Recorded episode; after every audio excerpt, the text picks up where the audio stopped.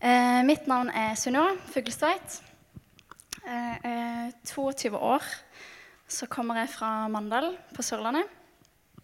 Og så eh, går jeg her i Misjonshallen.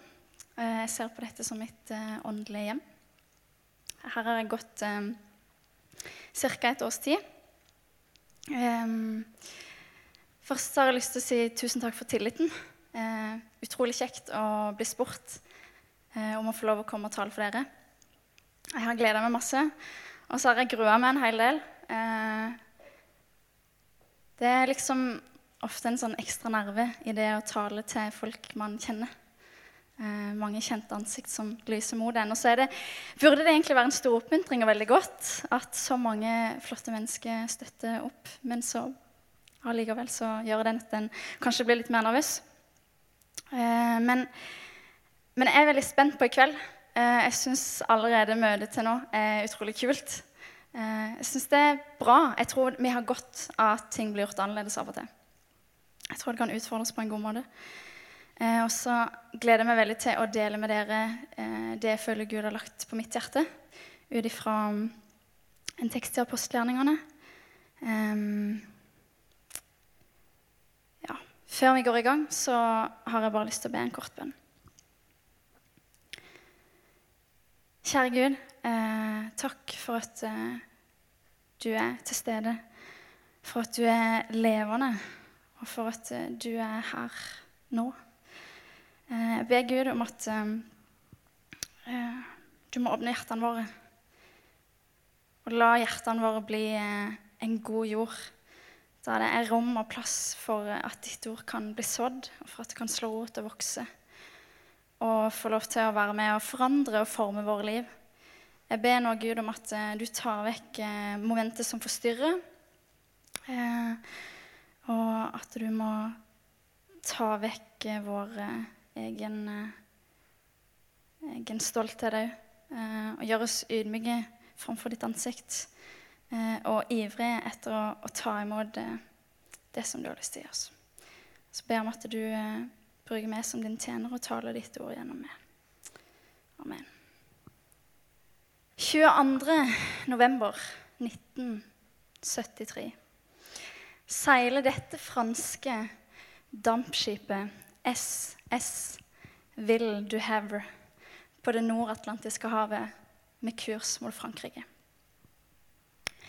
Klokka to er hjem. Kolliderer skipet med jernklipperen Loch Earn. Og innen tolv minutter så ligger skipet under havoverflata. 226 mennesker drukna i denne ulykka.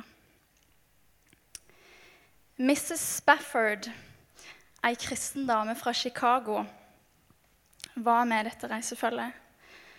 Og Hun ble redda av en sjømann som fant henne flytende i vannet. Men hun hadde fire døtre som ikke overlevde ulykka. Og mannen hennes, Horatio Spafford, var ikke med reisefølget, men mottok et telegram fra kona si med ordene 'Saved alone'.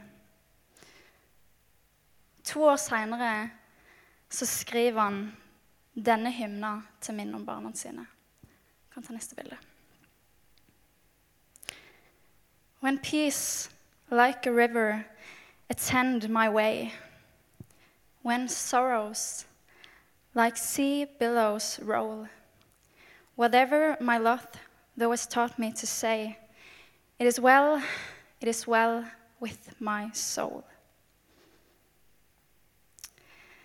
Hva er det som gir mennesket håp? Hva er det som redder mennesket gjennom prøvelse? Hva er det som holder mennesket flytende når livet stormer? Eller hva ga Horatio Spafford håp, så han kunne skrive 'It is well'? It is well with my soul. Hva er det som hjelper det gjennom prøvelse?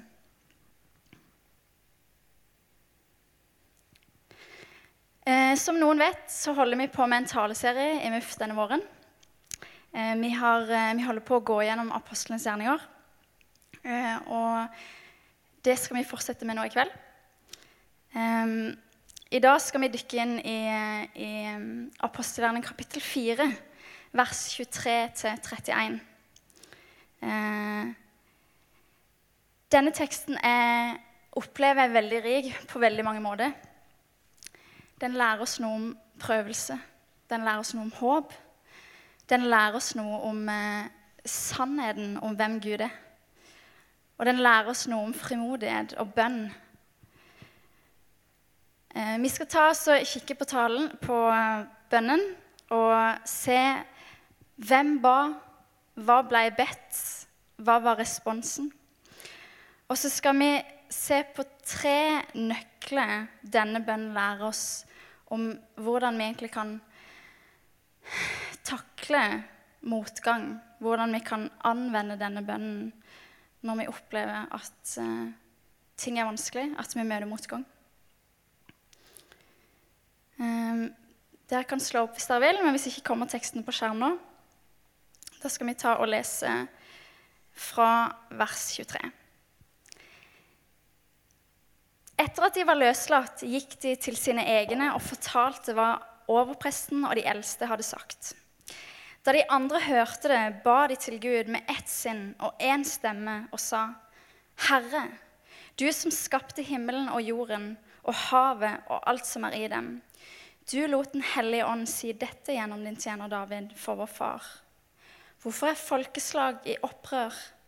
Hvorfor grunner folkene på det som er forgjeves? Jordens konger reiser seg, fyrster slår seg sammen mot Herren og hans salvede. Ja, i denne byen slo det seg sannelig sammen mot din hellige tjener Jesus, som du salvet. Både Herodes og Pontius Pilatus sammen med hedningenfolkene og Israels stammer, alle hadde gjort det som du ved din hånd og din vilje hadde bestemt skulle skje.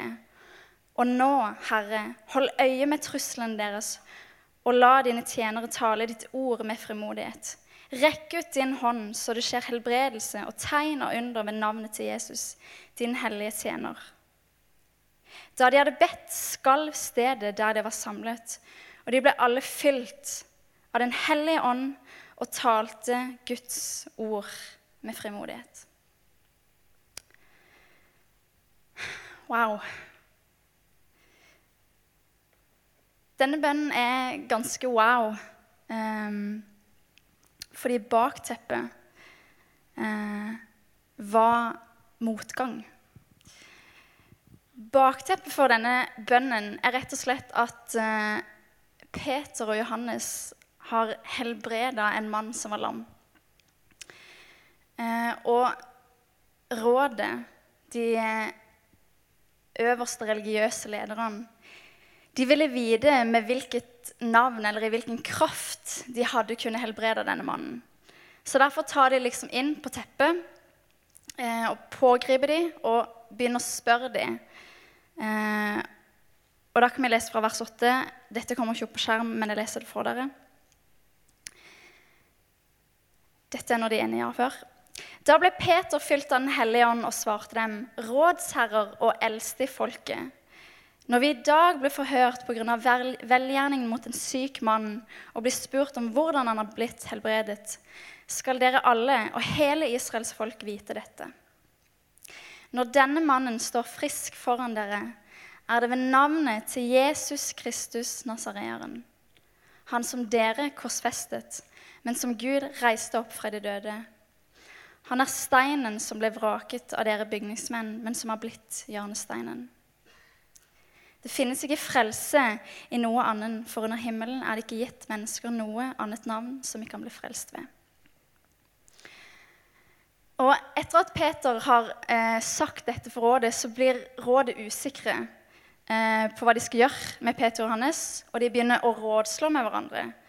Og de sier til hverandre Hva skal vi gjøre med disse menneskene? De har gjort et åpenlyst under. Det er klart for alle som bor i Jerusalem og vi kan ikke nekte for det. Men dette må ikke få lov til å spre seg mer blant folk. Derfor skal vi true dem. så de ikke taler til noe menneske mer i dette navnet. De kalte dem inn igjen og påla dem om å holde helt opp med å forkynne og undervise i Jesu navn. Men Peter og Johannes svarte dem, døm selv om det er rett i Guds øyne å adlyde dere mer enn han. Men vi kan ikke la være å tale om det vi har sett og hørt. Så bakteppet for bønnen er rett og slett at Peter og Johannes, og for øvrig de andre kristne, forfølges av jødernes ledere fordi de forkynner at Jesus er Messias, han som de venter på, og at frelse kun fins i hans navn. Og nå forbyr rådet, nå forbyr de øverste religiøse lederne de om å tale i Jesu navn. Og det de egentlig forbyr, er de sin ypperste tjeneste. Den første og største oppgaven de hadde. Jesus hadde gitt dem misjonsbefalinger om å gå ut til alle folkeslag og forkynne i hans navn. Og det er dette de blir forbudt å gjøre. Jeg kan ta neste slide. Også neste etter det. Eh, vi skal se litt på selve bønnen. Eh, og på hvordan den er inndelt. Eh, for den eh, sier noe om hvordan disse disiplene, disse første kristne, hva de gjorde, hvordan de takla denne motgangen de møtte. Første del av bønnen er rett og slett en proklamering av hvor mektig, hvor suveren, hvor stor Gud er. For det første ser vi det bare på tittelen de har brukt på Gud. I vår oversettelse står det 'Herre'. Eh, og det vanligste greske ordet for herre er 'kyrios'. Men det er ikke det de bruker her. Her bruker de et annet ord. Um, et ord som heter 'despotes'. Det er ikke så viktig hva det, hva det heter. Men uh, det er egentlig tittelen for uh, forholdet mellom uh, en herre og slaven hans. Det er tittelen for noen som hadde suveren, absolutt makt. Med andre ord så ber de egentlig Gud, du som er herre, og vi som er dine slave. Gud, du som har fullstendig, du som har all makt. De minner seg sjøl på at Gud er sterkere enn disse her som forbyr dem noe. Neste slide. Videre så ser, de, ser vi at de, de siterer ei salme. De siterer Salme 2, der det står Hvorfor er folkeslaget i opprør? Hvorfor grunner folkene på det som er forgjeves? Jordens konger reiser seg, fyrstene slår seg sammen mot Herren og mot Hans salvede. Dette her det var skrevet lenge før Jesus ble korsfesta. Og med å minne seg sjøl på denne salma, så minte de seg sjøl på at Gud var mektig til å oppfylle dette profetordet. Herodes og Pilatus står det i Bibelen at de hadde egentlig vært fiender inntil den dagen da Jesus skulle dømmes. De hadde vært fiender, men plutselig så ble de venner. Det vil si, det var en samstemmighet. Det var en samstemmig tilslutning av disse øverste autoritetene når Jesus ble dømt. Hvilken sjanse hadde egentlig Jesus? Det hele så jo virkelig mørkt ut. Det hele så ut som et stort nederlag, som et stort tap. Han ble spytta på. Han ble slått. Han ble hånt. Men så sier de i bønnen at Gud forutså det onde og planla å gjøre godt ut av det. Og dette her, det har vi sett i Bibelen flere ganger. Noen av dere kjenner kanskje igjen fra, fra Josef, fortellingen om Josef, som ble solgt av brødrene sine til ismalitter men så ble han en av de øverste lederne i Egypt. og styrte landet og ressursene i landet når det var hungersnød, sånn at de klarte seg gjennom den vanskelige tida når det var hungersnød.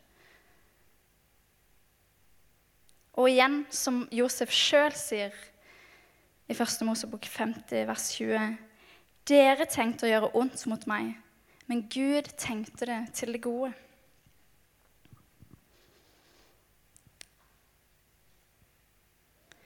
Gud bruker Gud brukte den urettferdige dommen som Herodes og Pilatus la på Jesus, til å gjøre den største og beste hendelsen som noen gang skjedde i vår historie.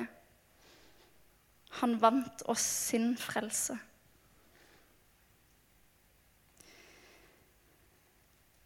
Du kan ta neste.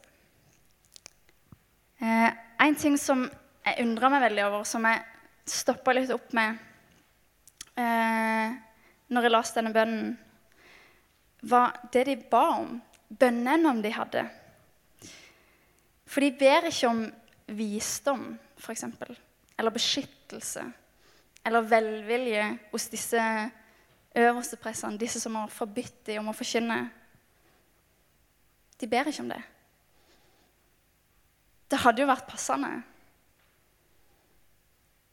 Men i stedet så ber de om frimodighet og evnen til å være lydig mot den befalinga som Jesus hadde gitt dem om å gå og forkynne til alle folkeslag.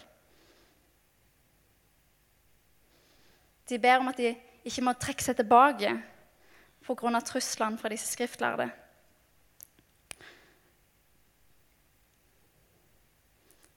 Men på tross av disse truslene forkynner Guds ord med frimodighet. Og jeg tror vi opplever um, mye av det samme i dag.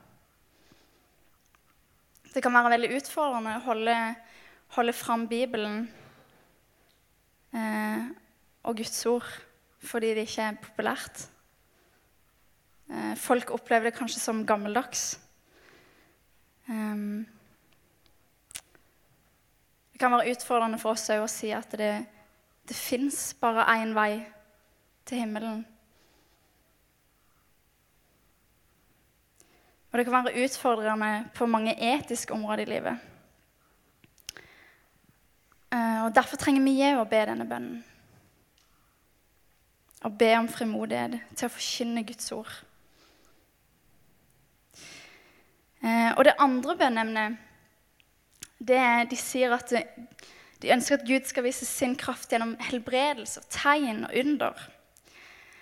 Og jeg syns det skikkelig forbausende, egentlig, å se at de eneste to bønneemnene som de har i denne bønnen, handler om evangelisering. Og det var det som nettopp hadde blitt forbudt. De hadde nettopp blitt forbudt å evangelisere. Altså Det er disse to tingene som de ber om. Disse første kristne, disse disiplene, disse menneskene hadde en iver etter å oppfylle det løftet som, som Jesus hadde gitt dem. Oppfylle den befalinga om å forkynne Hans ord.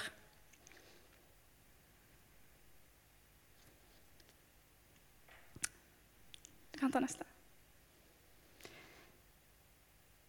Og Helt på slutten av bønnen, i vers 31, så ser vi den responsen som Gud gir.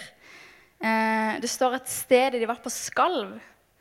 Og fra Gammeltestamentet, når plasser skalv, det var jordskjelv, det var torden, det var skyer, så kaller vi det for teafoni. Og det er på en måte en manifestasjon av at Gud er til stede fysisk. Og når vi leser den teksten at Jesus som de sto på, skalv, så er det Guds måte å vise at jeg er her er til stede. Jeg vil svare dere på bønnen.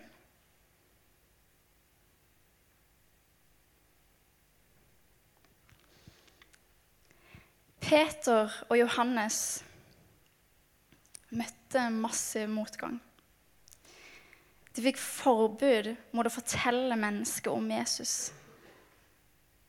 Det som var din, din primære oppgave. Og jeg ser for meg at de, de følte seg frustrert, kanskje redde, triste, motløse. Og for de av dere som kjenner historien, så vet vi at apostlene virkelig leid mye for evangeliets skyld. Flere av dem ble fengsla, forfulgt, drept.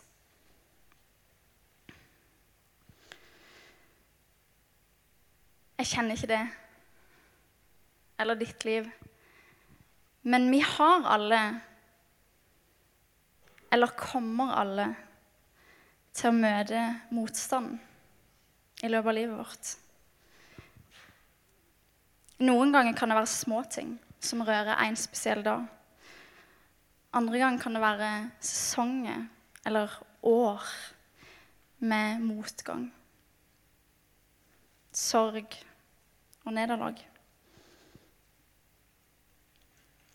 Men én ting vet jeg, og det er at vi kommer ikke utenom det. Kanskje opplever du motgang nå. Kanskje står du akkurat nå i noe som er vanskelig. Og du syns lyset i enden av tunnelen er vanskelig å skimte.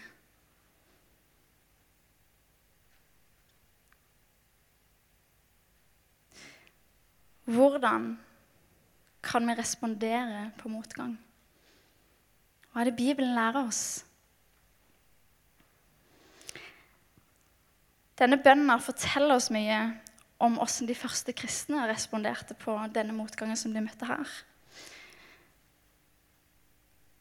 Det er den lengste bønnen som er sitert i apostelgjerningene. Og jeg tror han kan være et godt eksempel, et godt utgangspunkt for oss kristne da når vi møter motgang. Eh, vi skal se på tre nøkler i denne bønna på hvordan disiplene fant styrke og frimodighet når de møtte denne motgangen. Og hvordan vi på samme måte kan finne styrke eh, når vi går gjennom vanskelige ting. Da kan du ta neste takk. Og det første nøkkelen, det er rett og slett fellesskap. Det står det helt i starten av der eh, vår tekst begynner. Etter at de var løslatt, gikk de til sine egne og fortalte hva overpresten og de eldste hadde sagt. Og da de andre hørte det, ba de til Gud med ett sinn og én stemme. Gjennom hele apostelgjerningene så ser vi at fellesskap betydde masse for disse første kristne. Det, det stilte en stor rolle. Og Da er det heller ikke overraskende å se at her òg det første de gjør, er å søke til fellesskapet.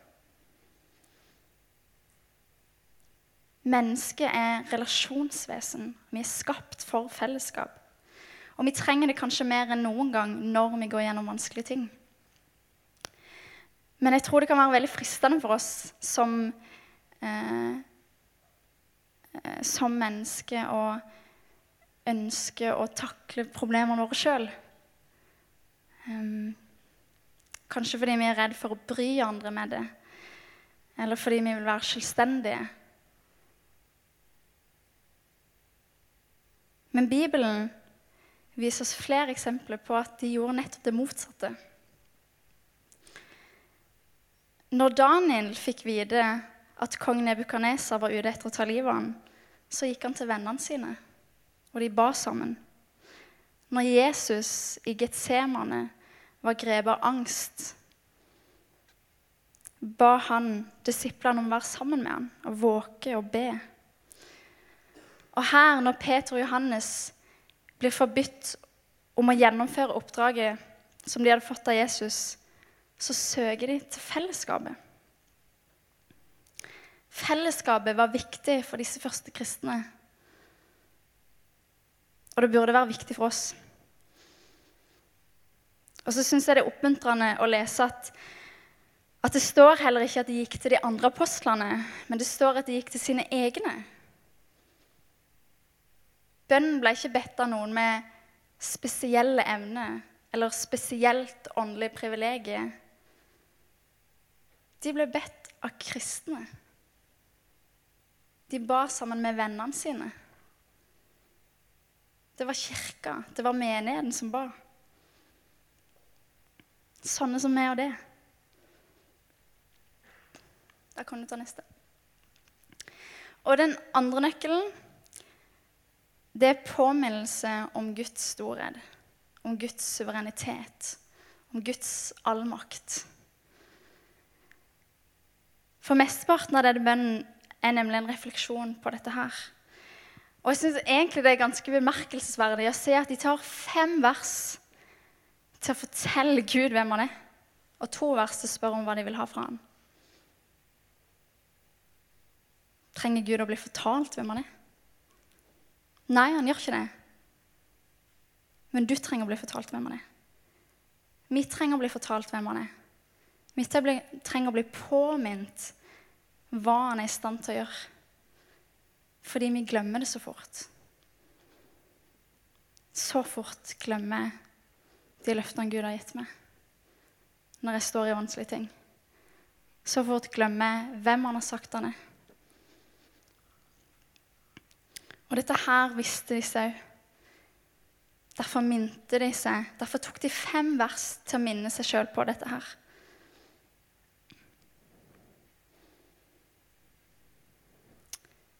Neste. Og den tredje nøkkelen det er faktum at denne bønnen var henta fra Guds eget ord. De siterte rett og slett bibelvers. Denne spontane bønnen, der siterte de Guds eget ord. Det samme gjorde Jonas i sin spontane bønn. Det samme gjorde Maria. Det samme gjorde Zakaria. Ord fra Bibelen som er gjemt her inne, kan styrke oss når vi møter vanskelige ting. Kan gi oss frimodighet når vi møter motstand.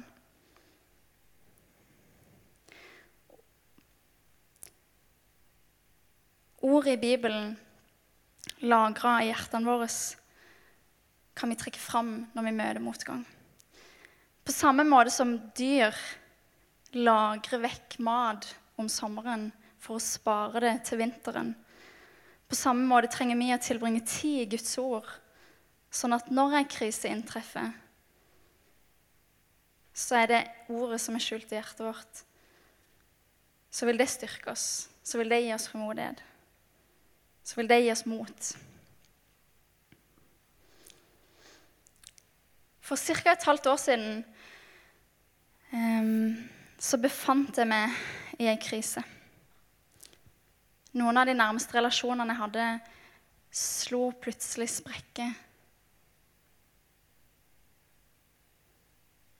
Jeg befant meg plutselig i en vanskelig situasjon som jeg aldri hadde sett komme, og som jeg ikke hadde kontroll på. Jeg vil antagelig oppleve motgang flere ganger. Jeg vil antagelig oppleve motgang ganske mange ganger. Og det vil antageligvis du òg. Men Gud ønsker mer enn noe annet å bære oss gjennom dette. Han ønsker å trøste oss. Han ønsker å gi oss håp. Han ønsker å gi oss styrke. Han ønsker å gi oss fremodighet.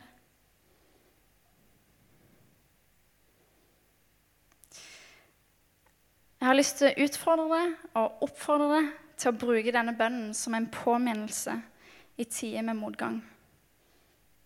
Søk fellesskapet. Minn deg sjøl på hvem Gud er. Og bruk tid i Hans ord så det setter seg i hjertet ditt. Når Jesus gikk opp på korset, så overvant han den største motgangen, den største motstanden som vi mennesker noen gang kommer til å face. Han sona for våre synder og vant seier over døden. Og dette er en seier som burde gi styrke, håp og frimodighet i alle livets prøvelser. Jesus sier, 'Jeg er oppstandelsen og livet. Den som tror på meg, skal leve om han enn dør. Og jeg tror det var dette Horatio Spafford visste når han kunne si It is well, it is well with my soul. Det er vel med vår sjel fordi vi har fred med Gud på grunn av det Jesus har gjort. Siste bilde. Vi skal avslutte med et dikt som eh, noen har hørt, og som noen ikke har hørt.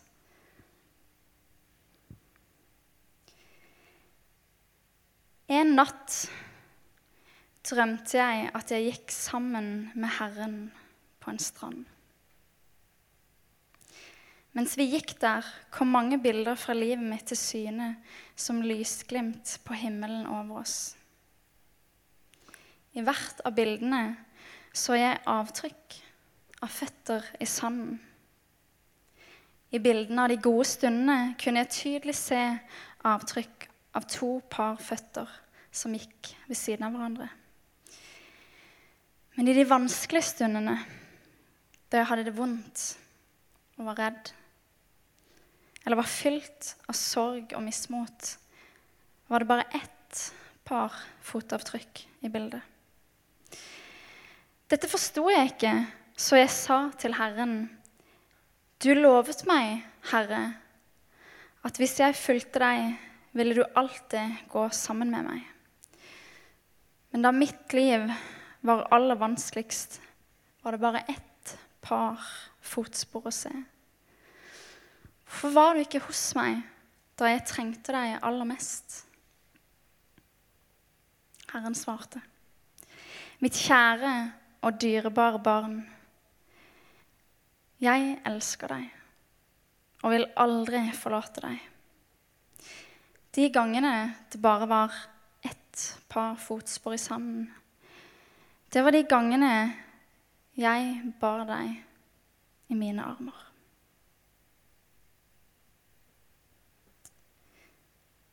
Vi skal be til slutt. Kjære Gud, eh, takk for denne bønnen i apostelgjerningene. Eh, takk for at eh, ditt ord er tilgjengelig, og for at vi har muligheten til å, å lese den nå. Eh, og bli styrka av den. og for at vi kan finne mot og oppmuntring i å lese den bønnen. Jeg ber Gud om at du hjelper oss til å applisere denne bønnen på våre liv. Jeg ber om at du hjelper oss til å, til å være tøffe nok til å søke fellesskapet når vi går gjennom vanskelige ting, og ikke være så egoistiske at vi, at vi velger å gå med det sjøl.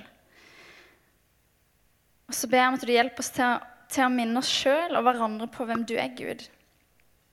Hvor allmektig du er, trofast, og hvordan ditt ord er konstant, og dine løfter er konstante.